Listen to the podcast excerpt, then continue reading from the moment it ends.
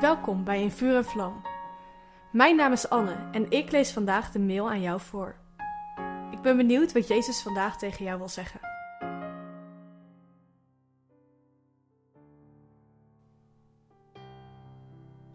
Als kind van God ben je opgenomen in de hemelse familie. In Gelaten 4 lezen we dat jij nu ook een erfgenaam bent geworden van God.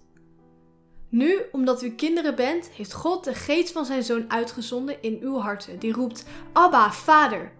Dus nu bent u geen slaaf meer, maar een zoon. En als u een zoon bent, dan bent u ook een erfgenaam van God door Christus. Dit staat in Galaten 4, vers 6 en 7.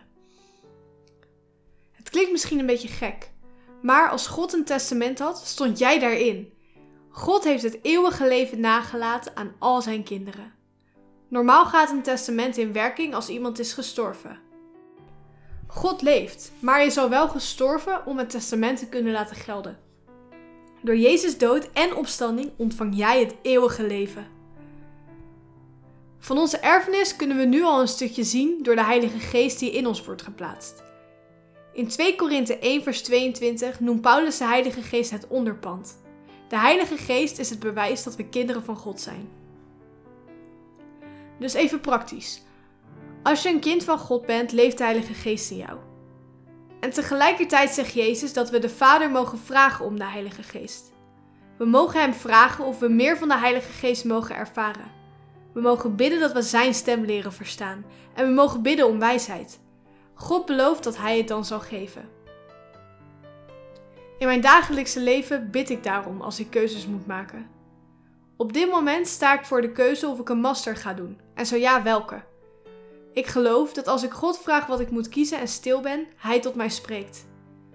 En soms is dat door een gedachte die in me opkomt, soms doordat ik opeens moet denken aan een gesprek met iemand, en soms doordat ik plotseling een overtuiging in mijn hart voel. Soms weet ik het ook gewoon nog even niet, en dan vraag ik het God de volgende dag gewoon opnieuw.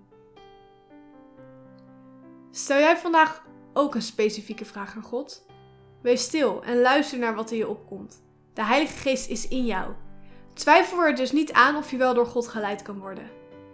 Wel mag je God iedere dag opnieuw vragen je te vullen met meer van zijn geest.